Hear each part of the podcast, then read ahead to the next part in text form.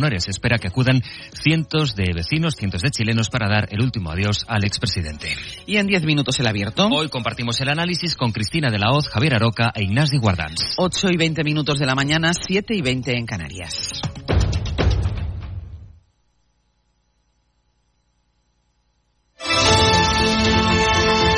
Hoy por hoy Cataluña. Sergi López.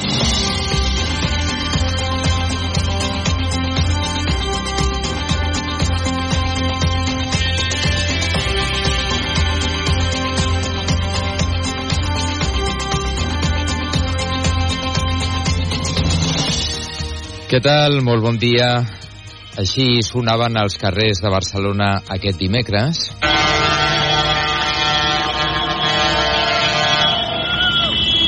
Des de primera hora de la tarda d'ahir fins ben entrada la nit, 2.000 tractors van col·lapsar els carrers de la capital catalana. La majoria han marxat de nit després d'acordar una trobada d'aquí a 15 dies amb el govern de la Generalitat. Els pocs que aquest matí quedaven a la Gran Via o a l'Avinguda Diagonal han decidit que alguns d'ells eh, aniran al Parlament de Catalunya, d'altres han començat el camí de tornada. Està seguint les mobilitzacions a peu de carrer el Pol Valero. Pol, són molts els pagesos que volen anar fins al Parlament. Bon dia. Bon dia, Sergi. Doncs són ben bé una cinquantena, una seixantena de tractors, de pagesos que han dormit aquí a la Gran Via entre Roger de Llúria i Pau Claris. Fa una cosa mitja hora s'han organitzat, han fet una assemblea eh, per veure què feien, si ja tornaven cap a casa i finalment han decidit anar cap al Parlament. Ens ho explicava un d'ells. Bueno, hem decidit que anem cap al Parlament, cop allà doncs decidirem segons vagin les converses i les negociacions i veurem aviam què fem i el que decidim. I de moment no tenim intenció de marxar fins que alguna cosa no canvi o hi hagi almenys una esperança diferent de tot el que ens han dit fins ara alguns portaveus del grup ens explicaven que allà al Parlament el rebrà la presidenta de la cambra, Anna R, i que després llegiran un manifest i aleshores sí ja aniran tirant cap a casa perquè diuen molts tenen bestiar que han hagut de deixar sol, són moltes hores de mobilització i per tant ja aniran tirant cap a casa. Gràcies, Pol. Ara ampliarem aquesta i altres notícies. Abans anem amb la informació servei. Comencem pel temps. Quin temps ens espera per avui, Jordi Carbó? Fins a primeres hores de la tarda farà sol, amb núvols, però pràcticament transparents. A mesura que s'apropi la nit és quan la nuvolositat eh, serà més gruixuda, d'augmenten sols alguns ruixats al Pirineu de Lleida. I temperatures altes un dia més. Ara mateix tenim 12 graus a Badalona, 11 a Amposta, 7 a Figueres, 2 graus a Sort, màximes de 15 a 20 graus superant els 20 a les comarques de Girona, on el vent de Garbí bufarà fort, també la resta de Catalunya, però no tant. I es confirma que tant divendres com dissabte la pluja s'acabarà extenent a pràcticament tot Catalunya. Anem ara al RAC per saber com està el trànsit a les autopistes i a les carreteres, a veure si hi ha algun tipus d'influència dels tractors que estan tornant a casa, a casa seva.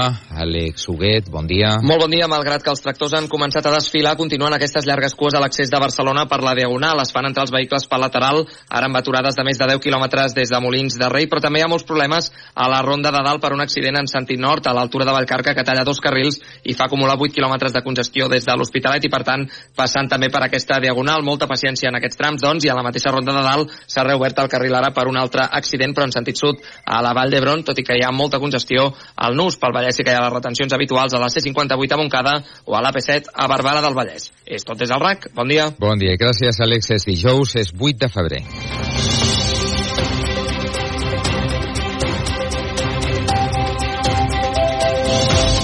Doncs com us dèiem, continuem parlant de la gran tracturada que hi va haver ahir a Barcelona. El govern de la Generalitat i els pagesos es tornaran a trobar d'aquí 15 dies per concretar mesures que resolguin alguna de les reivindicacions del sector agrari, Soledad Domínguez. El president i el conseller David Mascor van traslladar als representants de la pagesia la voluntat del govern de fer les coses millor, d'ajudar-los fins allà on arribin per tal que es puguin guanyar la vida amb una feina que deia David Mascort els apassiona i que el conjunt de la societat reconeix. 10 dies, 15 dies ens tornem trobar per fer l'anàlisi concreta cada una de les propostes i veure com som capaços, puguem fer millor les coses perquè en definitiva es puguin guanyar la vida, que és l'objectiu de tots plegats. Mascort ha reiterat que les reivindicacions del sector són justes, que el govern els farà costat responent directament a allò que li compet i traslladant la resta de peticions allà on calgui. Carles Couso, bon dia. Hola, bon dia, Sergi. L'arribada dels tractors al centre de Barcelona es va produir entre els aplaudiments d'alguns ciutadans que recolzen la protesta del camp,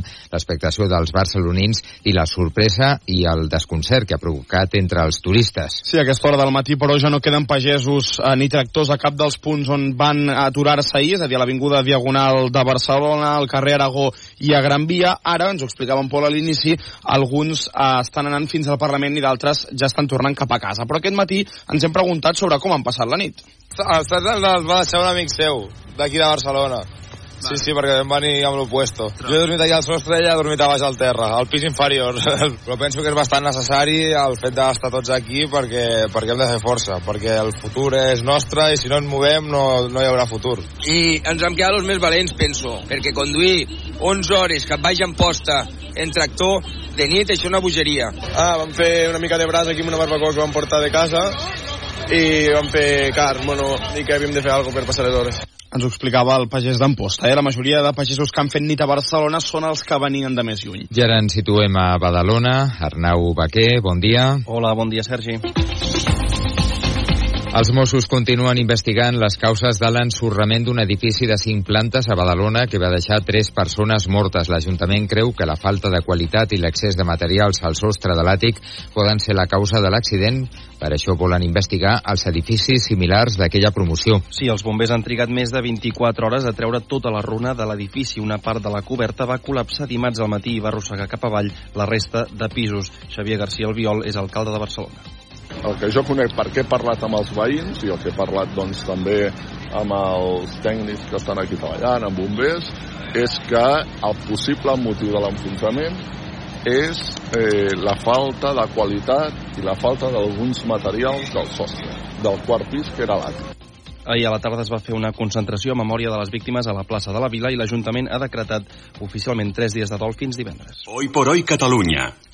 Mentrestant, la Generalitat segueix investigant les denúncies d'almenys set aspirants a bomberes que es van haver de treure els sostenidors per sotmetre's a una de les proves mèdiques que requereix el procés d'oposicions. La vicepresidenta del govern ha dit que d'entrada el que va fer el metge és el que es fa diàriament als ambulatoris i als hospitals on es realitzen aquests exàmens mèdics. Vilagrà assegura que el protocol recull que els sostenidors s'han de treure perquè poden interferir en el resultat de la prova, però que de tota manera Interior investiga si el facultatiu que va realitzar les proves mèdiques va cometre alguna irregularitat. Mirat el protocol, eh, efectivament es fa sense la part superior de la roba interior, en el sentit que l'arc eh, metàl·lic pot alterar doncs, la prova. Això és el que ha passat. I ho vull dir ben clarament. Nosaltres el que vàrem fer a nivell d'interior és recollir aquestes queixes, de fet n'hi ha set, que efectivament si va haver alguna incomoditat, si va haver alguna circumstància o mala praxi, si va haver algun comentari que no tocava, òbviament l'investigarem i fins al final.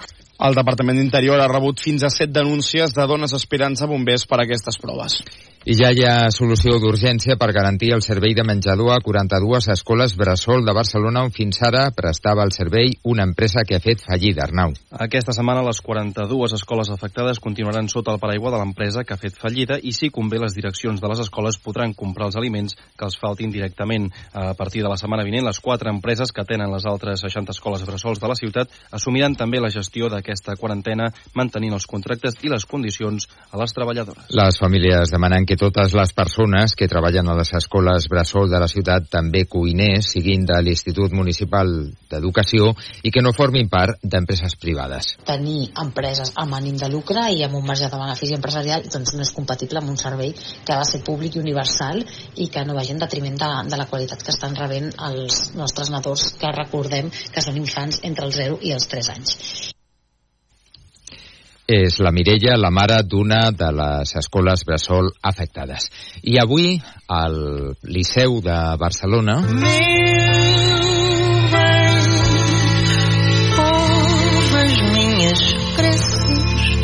Peço que regresses, que me voltes a querer Avui al Liceu es podrà veure en directe Salvador Sobral. Sí, el portuguès guanyador d'Eurovisió amb la cançó que escoltem presenta algunes de les produccions que tenen el seu quart àlbum d'estudi anomenat Timbre. Sobral té una estreta relació amb Catalunya perquè va estudiar a l'escola Taller de Músics.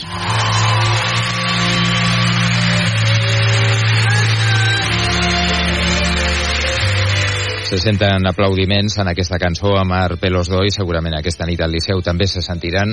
Que tingueu un magnífic dijous.